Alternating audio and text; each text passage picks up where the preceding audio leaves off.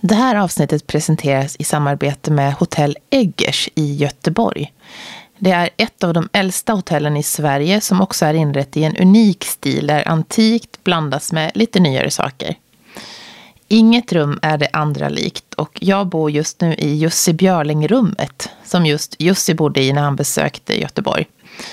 Och det här rummet har idag en rund säng, en sittgrupp i vinröd sammet där vi spelar in idag och en balkong med utsikt över Göteborg. Och stannar man här så tipsar jag om att börja sin vistelse med en riktigt god afternoon tea i salongen. Gå in på hotelleggers.se för att boka din övernattning.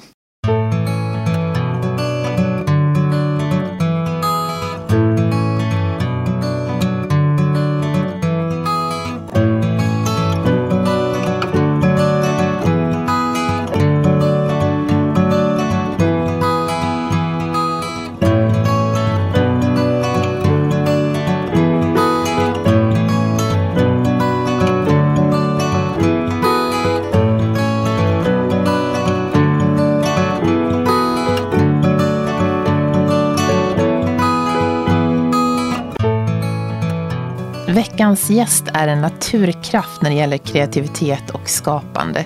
Hon tecknar och målar ständigt. Hon har varit designchef under många år och sen tog hon steget och startade eget.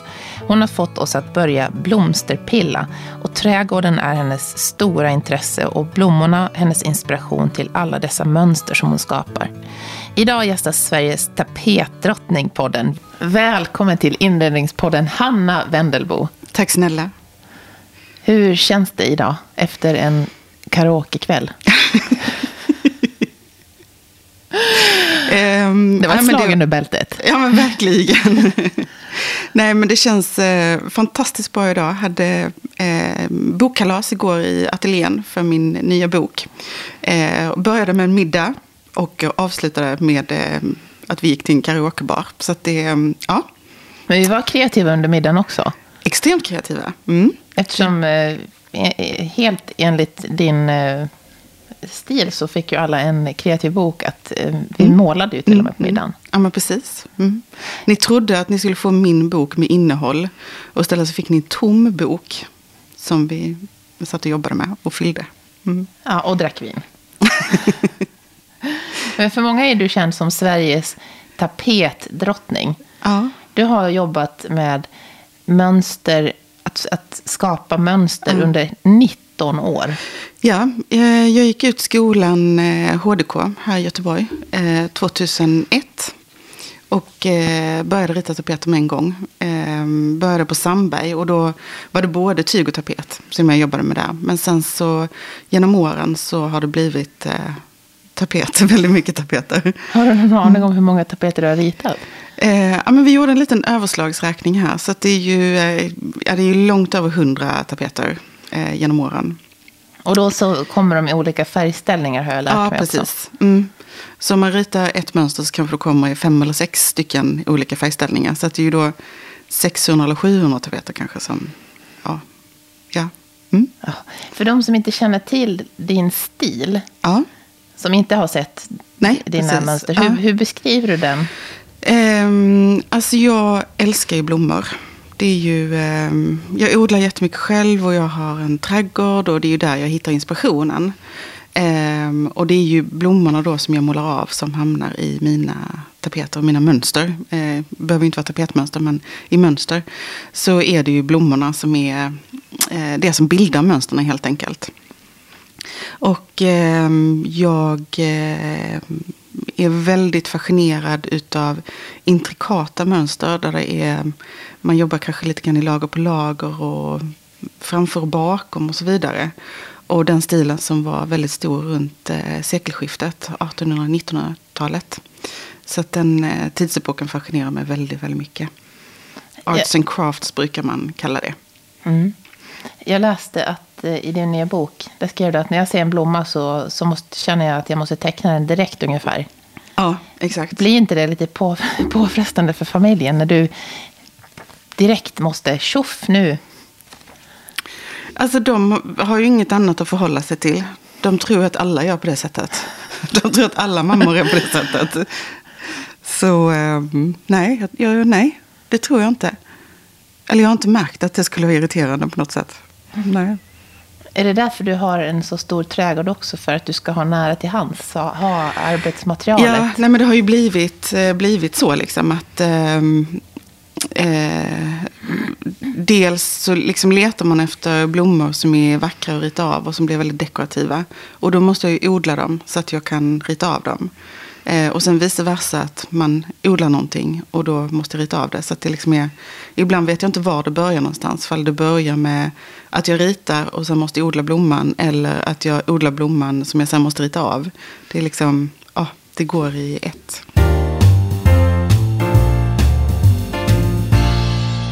Du har ju tecknat jättevackra luktärtor. Och efter Ja. det så blev du ju ganska nördig med luktärtor. Och Ja. influerade mig till att börja odla luktärtor helt hysteriskt. Eh, du, du, du går ju in med... I alla dina projekt känns det som att du går in med hull hår. Ehm, ja, ska man inte göra det? Eller det gör väl du med? Jo, men, för, men när jag möter dig, då är du i... Det är liksom som en hel naturkraft som kommer. Men, tack. Eh, ja, vad ska man säga om det? Ja, nej, men det är bara ett konstaterande egentligen. Att du är väldigt, väldigt passionerad Ja, i, ja. i, ditt, egentligen i ditt jobb och i din Ja. eh, livsstil kanske också. Ja, nej men eh, verkligen. Alltså jag tycker om man ändå ska göra någonting så måste man göra det helhjärtat. Annars är det inte lönt att göra det liksom. När du gick i skolan så, du växte ju upp med en familj där ni tecknade väldigt mycket. Ja, alltså inte bara teckna, men teckna, måla, skapade kreativt, eh, stickade, virkade, sydde, eh, byggde, ja, så. Och det trodde jag ju var normalt i alla familjer. Att man satte åt bland liksom fjädrar och lim och eh, eh, ja, färg liksom. Eh, och tyckte att det var lite konstigt när man kom hem till andra som bara så här, men var har de pysslet någonstans? Och då var det liksom i en låda, i en garderob undanstoppat. Eh, men hemma hos oss så, ja, så levde vi i pysslet. Har du, tag, har du tagit med det till dina barn också? Ehm, ja, eh, absolut. Men det jag nog har kommit på med att jag har tre barn själv, det är att barnen i sig är ju väldigt starka individer och väljer sina intressen själv. Um, så att det är ju egentligen mitt yngsta barn som eh, tycker, alltså hon är ju så kreativ så att eh, Nej, men hon kan ju inte gå förbi en sak utan att hon liksom modifierar den och gör någonting och klipper ihop och klistrar eller bygger någonting. Medan de andra två inte riktigt har det. Och de har ju också levt i, liksom haft allt material runt omkring sig. Mm. Så eh, det blir så olika. Men jag tyckte du, du beskrev det fint, att du har tagit med det att allt, allt material ändå ska finnas till hands. Absolut. Mm. Hur får man det att funka? Jag som har två barn i den här åldern när telefonen är ständigt närvarande, den är den ju för mig med. Men eh, de är ju näst, den är nästan fastklistrad med dem. Ja. Hur, hur får man dem att gå från den till att gå till... Ehm, ja, alltså det som är i telefonen också är ju att du hittar väldigt mycket inspiration där också. Um, som min, min äldsta dotter hon håller på jättemycket med bullet journals. Och då hittar hon ju filmer och, och bilder som hon vill göra och rita av. Eh, så det är ju jättehäftigt liksom. Vad är det för någonting? Bullet journaling. Ja. Ehm, alltså det är ju när man gör sin egna almanacka, egna kalender. Ja, Ja, mm. Bujo okej. Mm. Eh, och Selma då, min yngsta, hon tittar jättemycket på såna här ritfilmer på YouTube. Och så ritar hon av och så följer hon och sådär. Så att, alltså, det finns ju hur mycket kreativitet och eh, inspiration online också. Och sen så är det ju lite grann så i min devis när man skapar. Så vill jag ju att man har mobilen med sig för att man hela tiden ska fotografera. Så jag är ju sådär att Ja, men alltså det är klart att du ska släppa mobilen för att du ska kunna jobba med båda händerna. Men ha den inte långt bort för den är världens bästa att dokumentera med. Eh, och det är någonting som händer när du börjar fota dina grejer. För att då fjärmar du dig själv från det du har gjort. Och då blir det oftast mycket, mycket finare. För då sitter det inte fast i dig som person. Gör du det med dina mönster också? Ja, hela tiden. Mm. Vill du se min telefon alla bilder eller? Ja.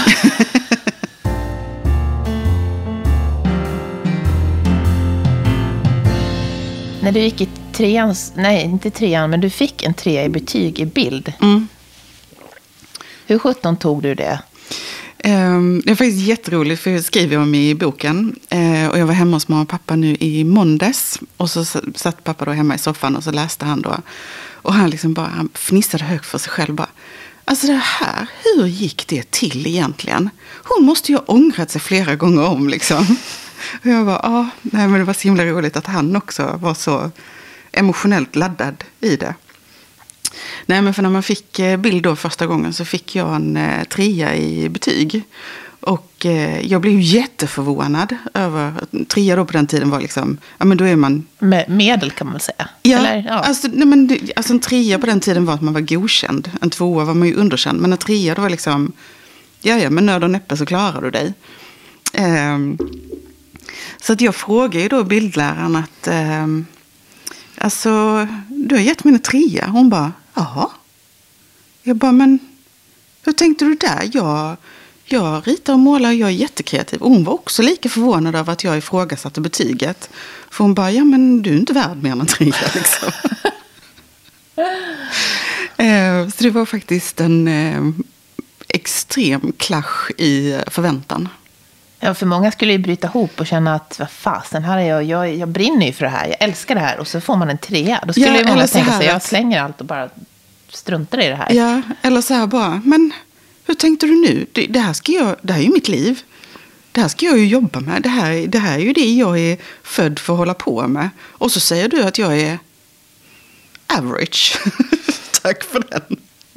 Och då istället för att bryta ihop så körde du på och tänkte att jag skiter väl i dig, jag ska jobba med det här. Ehm, ja, eh, absolut. Men eh, uppenbarligen så måste jag ha processat det med mina föräldrar eftersom pappa hade detta i så eh, färskt minne trots att detta är, eh, utspelar sig på 1900-talet. Ja. Mm. Det får jag nog också tänka till lite på, på betyg. Och Ja, vad- verkligen. hur det kan påverka en också. Mm, mm. Men du jobbade ju som anställd under många år. Ja, precis. Och som designchef på, på, på olika företag. Ja. Och sen för några år sedan så, För två år sedan. ja, då valde du Så att... startade jag eget, ja. Ja. Hur, hur kom det sig att du tog det beslutet? Ehm, ja, alltså ehm, det är ju typ eh, det största beslutet jag någonsin har fattat. Och det var ju superläskigt verkligen att, att gå från ett jobb som jag, alltså jag verkligen älskade. Då jobbade jag på Sandberg och det var, alltså, det var så himla roligt och härligt. Och litet och tajt team och nej men det var jättehärligt. Men jag, jag kände att då var det dags för mig att testa att ändå utbildat mig till formgivare. Så jag ville liksom visa att jag kunde rita andra saker än tapeter. Och tänkte att jag ska absolut inte rita tapeter, utan jag ska rita allt annat. Ehm, Men det var ett jättestort steg. Ehm, Och jag kommer ihåg när jag då igen gick och meddelade mamma och pappa detta. Ehm, Och pappa då som har drivit eget i alla, alla år, han bara äntligen. Och jag bara, jaha, du tyckte så? Ja, så har du inte sagt något under alla år. Precis, ja. Nej, så att, nej, jag har känt jättestöd från alla när jag då sa att nej, nu ska jag starta eget. Och så här i efterhand så kan jag ju se att jag måste varit världens sämsta anställda.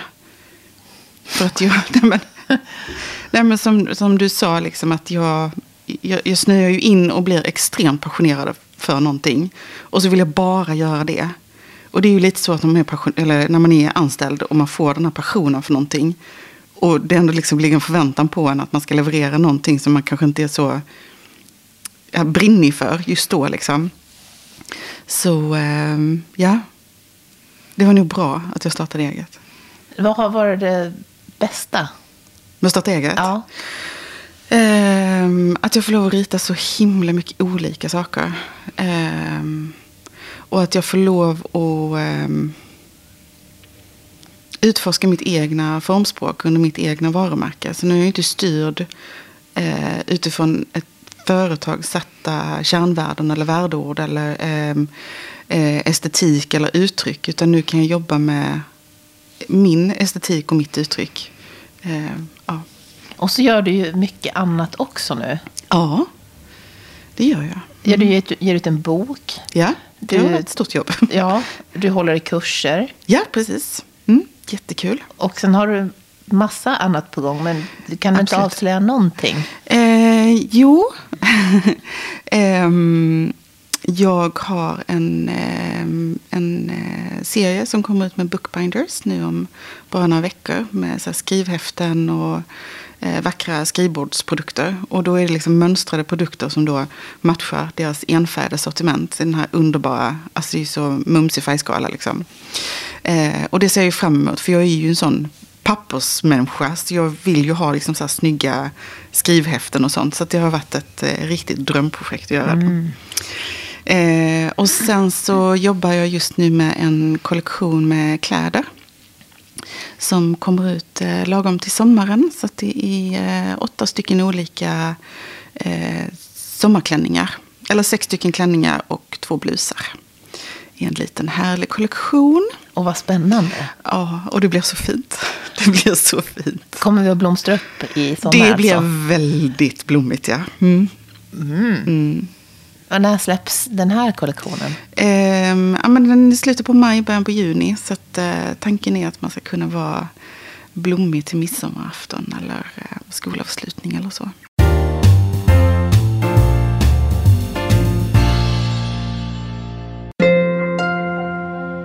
Är du den jag ska spela in ett avsnitt med i sommar? För i sommar kommer jag att spela in två avsnitt med dig som lyssnar. Någonstans i Sverige, Finland, Norge eller Danmark. Du har ett stort intresse för design, arkitektur och inredning utöver det vanliga. Kanske snickrar du alla möbler själv, samlar på något. Bor i ett hus eller lägenhet som är unikt och värt att uppmärksamma. Eller kanske har du en trädgård som du verkligen vill dela med dig av. Hör av dig till mig med bilder och kort fakta om dig till mig på info.joelhome eller skicka ett meddelande på Facebook, ett inredningspodd. Eller på Instagram skickar du ett DM, att inrednings underscore podden, alltså att inrednings understreck podden. Och senast den 30 april i år vill jag ha ditt bidrag. Vad har du haft för inspirationsförebild genom åren? Finns det någon eller några personer som du känner att de här är ju några som jag ständigt återkommer till? Eh, definitivt. Alltså, ehm, eh, det är ju så här lite så här, när man var när man gick på skolan då. Så var det ju liksom bara manliga förebilder man hade egentligen. Eh, men det var ju kanske för att det var de, de som lyftes fram. Och så fanns det massvis med extremt begåvade kvinnor runt omkring. Så William Morris, en jättestor inspirationskälla. Josef Frank. Eh, och sen så till exempel Stig Lindbergs produktivitet. Eh, otroligt inspirerande. Eh, men sen så har man ju liksom i efterhand upptäckt liksom att bakom Carl Larsson så var det ju Karin Larsson som skapade allting. Och det är ju hennes grejer som man tycker är helt fantastiska. Eh, och jag tror till och med att det var så att många av eh, William Morris mönster så var det hans dotter som ritade färdigt dem. Så att eh, man säger att det är Morris men det kanske faktiskt är hans dotter som har gjort hans mönster då. Så det är rätt så häftigt. När du, kan du känna ibland också att ju, mer, ju äldre du blir, Mm. att du inte behöver eh, inspireras av, eh, av andra? Eller känns det som att du behöver fylla på inspirationen kontinuerligt med, utifrån världen, så att säga? Ja. Nej, men man, alltså man slutar ju inte vara nyfiken någonsin. Utan det kommer ju nya grejer hela tiden som man bara känner att och det där visste jag inte om. Det där måste jag ta mer, reda på mer om. Eller gud vad spännande och intressant det var. Så att, nej, jag kan ju känna att jag blir mer och mer nyfiken med åren.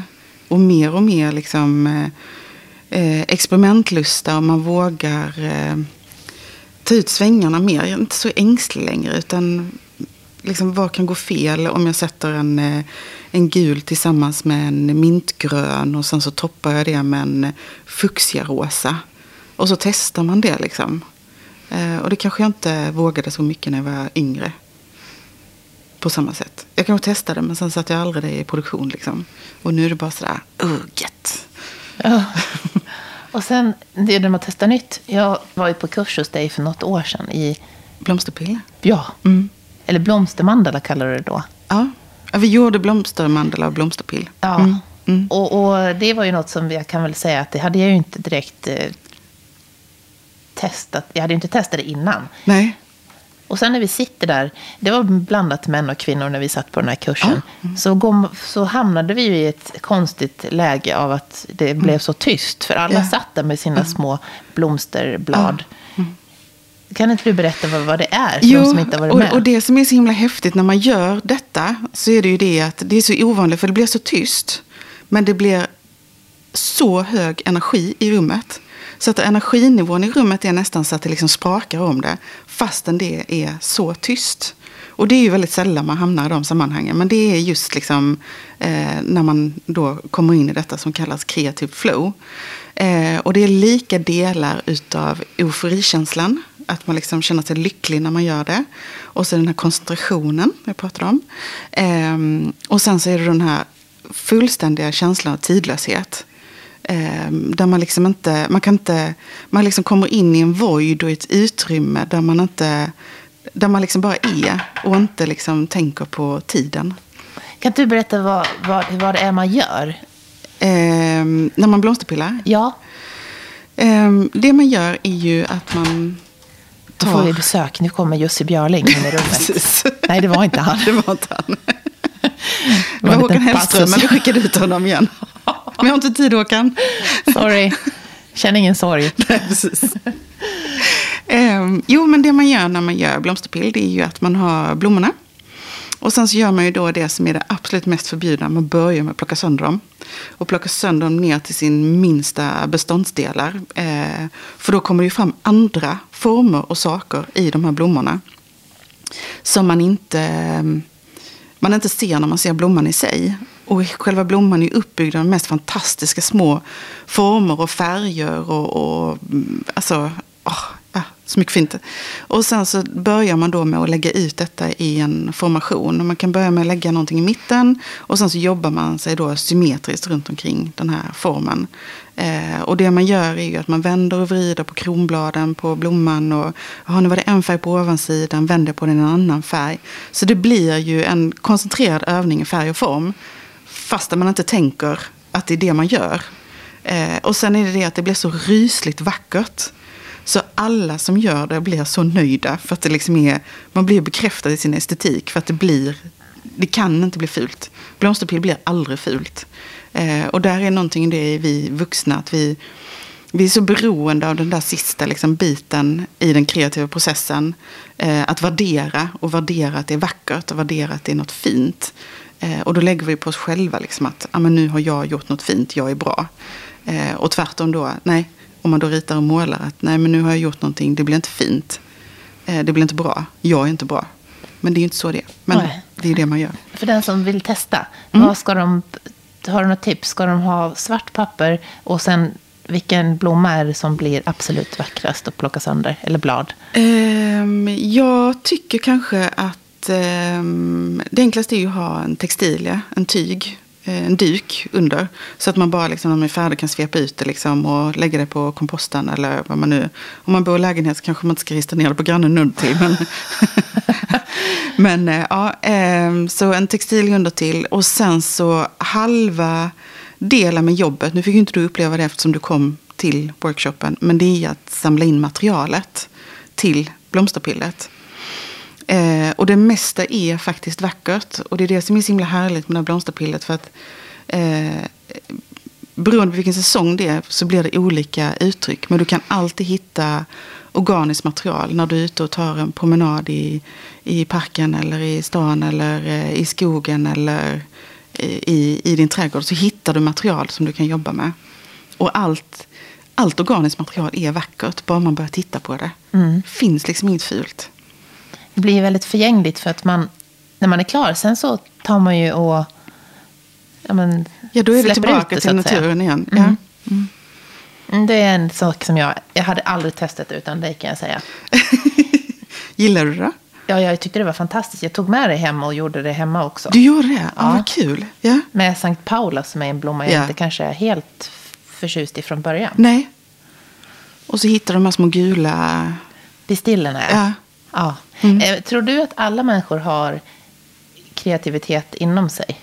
Jag tror att kreativitet är en eh, talang. Och en talang man kan träna upp. Och ju mer man tränar på det, desto bättre blir man. Eh, jag har ju tränat på detta i snart eh, 45 år. Så att, det vore väl rätt orättvist om jag inte vore hyfsat bra på det när jag har tränat så länge. Ehm, men jag, jag tror att vi alla... Alltså, det är liksom grundläggande i människans eh, utveckling och evolution att vi är kreativa. Och att det är det kreativa som för liksom, mänsklighetens utveckling framåt. Sen så kan man vara mer eller mindre stängd eller rädd för att vara kreativ. Och känna bara, nej, gud, det där, usch. Nej, jag håller mig till det jag alltid gjort. Här var en ruta, den sätter jag ett kryss i.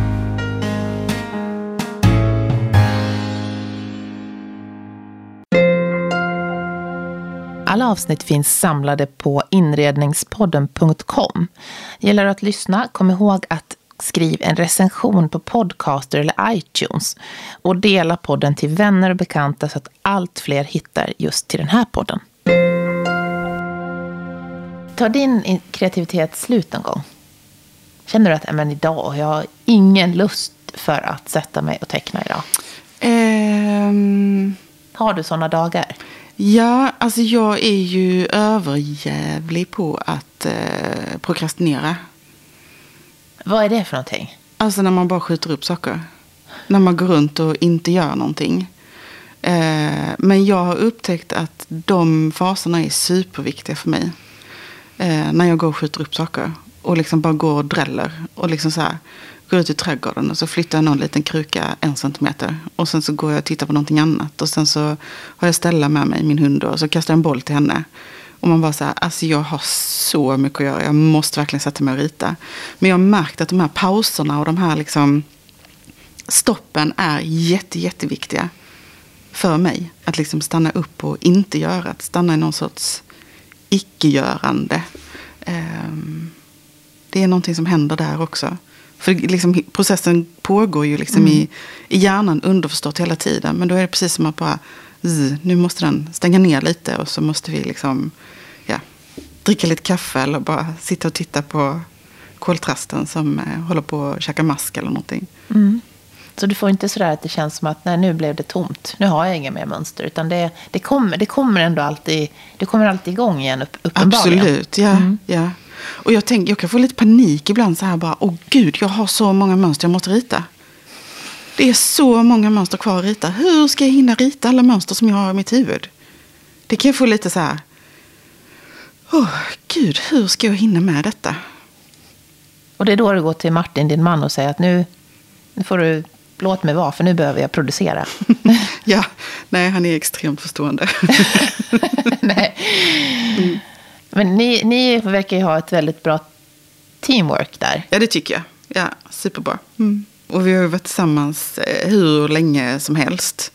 Eh, och eh, ja, under massa år så jobbar jag ju fruktansvärt mycket. Jätte, jätte, jätte, jättemycket. Och Martin har ju aldrig liksom klagat på de bitarna. Och han älskar ju att ta hand om hus och barn och skjutsa och de bitarna hit och dit. Mm.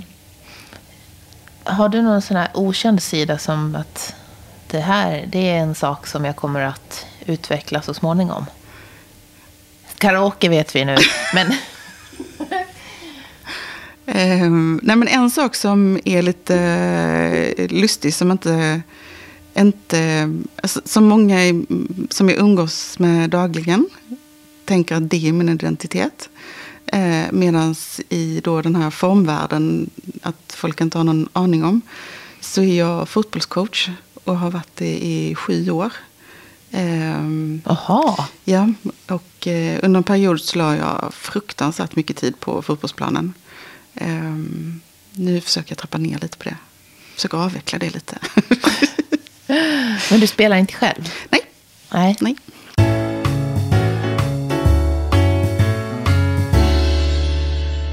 De som följer dig på Instagram, Mm. där du heter Hanna Wendelbo då. Där ser man ju ditt också väldigt produktiva liv i trädgården. Mm. Du har ju mycket växter, måste vi ändå säga. Ja. jo. Men också där har ju du... Alltså, nu måste jag bara ge dig en bild här. För att just nu så har vi då, eh, vi har ju vår matsal. Men eh, eh som vi är med på rätt mycket bilder. Och just nu så har vi då eh, lagt i iläggsskivor i matsalsbordet. Skjutit det hela vägen fram till fönstret. Och sen så har jag ju då, alltså halva matsalsbordet är odlingar. För det är ju lite för kallt för att sätta ut i växthuset än så länge. Så det är några veckor här nu.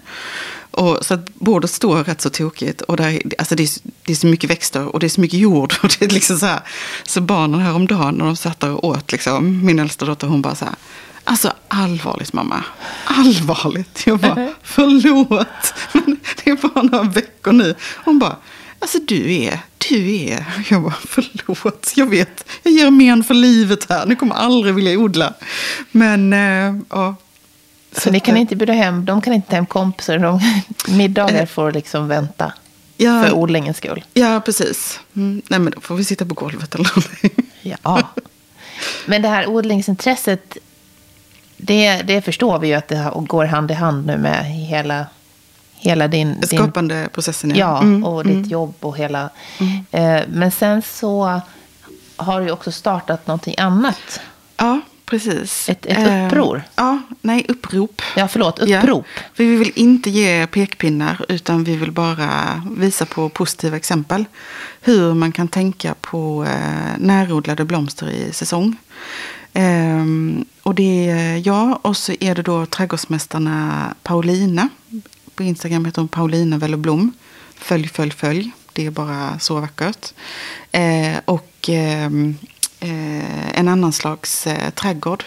Eh, Emily Bratt. Och de två är trädgårdsmästare. Så de har liksom hela kunskapen om odlandet och vet hur man gör. Och de kan liksom latinska namn och sånt. Jag bara, den rosa blomman. eh, så att eh, vi har tillsammans skapat blomsteruppropet för att, eh, alltså med visionerna om att eh, eh, svenskodlade blomster i säsong ska vara det självklara valet. Och just när alla då skriver på att det är ett flygfritt år, men sen ändå går och köper luktärtor i februari, och man bara så här, men vet, alltså, för, förstår du inte hur de har kommit hit? Det, det är ju inte det att vi kan odla luktärtor i februari. Vi kan odla luktärtor i sju månader, men februari är inte en av dem. Utan då kommer de ju från ekvatorn. Och de har ju inte gått hit själva liksom. Nej. Och de är definitivt inte hitfraktade på tåg. Och då är det värt att skicka dem hit då för att få fyra dagars njutning. Jag tycker inte riktigt det. Men det kan man ju välja själv. Och då vill vi påvisa på andra saker man kan njuta av i, i februari.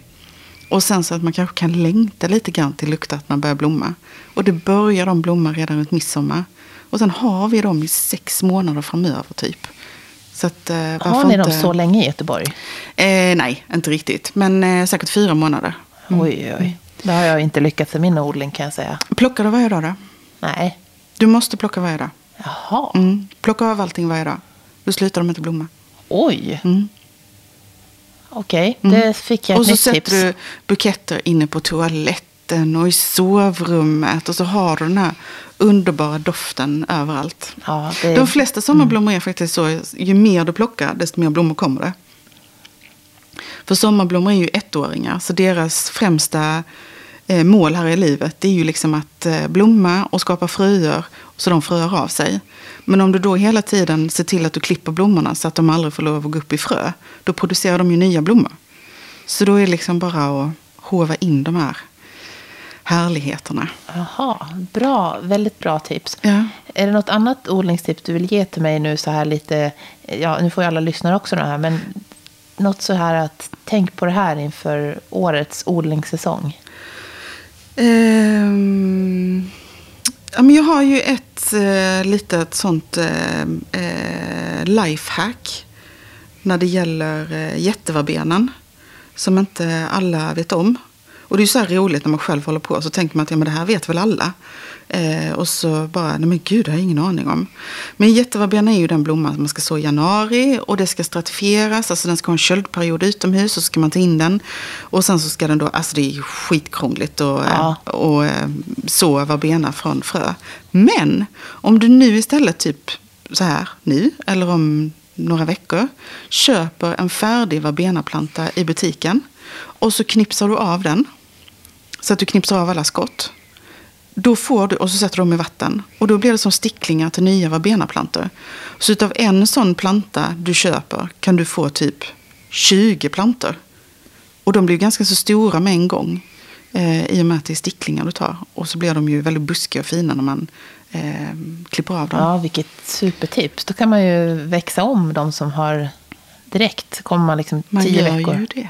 tio veckor före. Man gör ju det. Och så kommer de där lila blommorna. Ja. För det finns, de är bara lila va? Ja. Då kommer de att vara mycket tidigare hos Exakt. oss. Ja, Tack. Ja. Och de eh, lila blommorna lockar ju eh, fjärilar och humlor och bin. Så det är ju mums för alla pollinatörer. Och det är ju det vi har stora problem med. Att vi, vi har inte mat till våra små insekter som är runt omkring. Så jätteverbena är, odla jätteverbena. Mm. Det ska vi ta tips. Det, det tipset tar vi till oss kan vi Ja, säga. bra.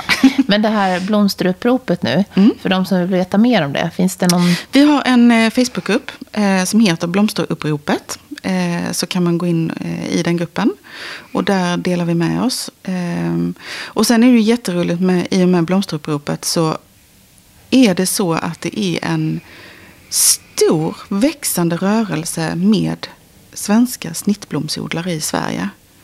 Ehm, så att eh, jag tror att eh, vi har en eh, 45 olika odlare som vi då tipsar om i gruppen när det då här kan du åka och köpa eh, den här blomman just nu eller här är det självplock just nu eller eh, så, så att man liksom följer med blomsterna och att eh, påvisa att det finns andra alternativ att eh, konsumera blommor och att det är bra att göra det. För de här småskaliga odlarna de odlar ju liksom i så liten skala så att det är inte de här monokulturerna som växer fram med fält av rosor i till exempel Afrika. Utan det här är ju liksom olika sorters blommor, blommar i olika tider och igen alla pollinatörerna har ju mat hela tiden eh, som hjälper oss människor att överleva också. Bra, det ska jag klicka in Ja, gör det snälla. Det finns Mm. ju inget bättre än att få åka till någon på självplock. Exakt. Det är ju eh, ja, det bästa man kan göra. Mm. I eh, den här podden brukar man få önska en gäst som man skulle vilja lyssna på. Och det måste vara en levande person eller? Ja, det underlättar ju för, för mig. Fast du hade ju systrarna jobb så här nu senast ju. Ja, Det tyckte absolut. jag var extremt eh, givande och inspirerande avsnitt. Ja, men tack, vad kul. Jag tycker att eh, det hade varit jättekul att eh, få höra Jessica Sandén prata om sin eh, mamma Joy Sandén som var mönsterformgivare. Men som inte slog igenom förrän hon var 93 år gammal. Eh, och det säger så himla mycket om kvinnliga mönsterformgivare. Och det som eh, ligger tillbaka i tiden. Och att, ja, så behöver det inte vara. Mm. Det är ett bra tips. Mm. Gjort. Mm. Om man vill komma i kontakt med dig, hur, hur hittar man dig? Eh, Man hittar mig överallt. jag är där, sök och ni ska finna. Nej, men på Instagram så heter jag Hanna Wendelbo. Eh, Jag har även eh, ett Instakonto som heter Fotoutmaning Mars 2019. Där hittar man mig också. Eh, och eh, jag har en eh, hemsida, hannavendelbo.com, Där jag lägger lite bloggposter då och då om odling och mönsterskapande. Såklart. Blommor. Eh, min Facebook heter Hanna Wendelbo Design. Så att, ja, jag finns nog på alla möjliga. Och där heter jag oftast mitt namn. Så på YouTube till exempel och sök på Hanna Wendelbo så kommer det upp min kanal också. Tusen tack, Hanna. Ja, tack snälla, vad roligt det var att sitta här med Jussi och Håkan och dig. Ja, detsamma. Underbart.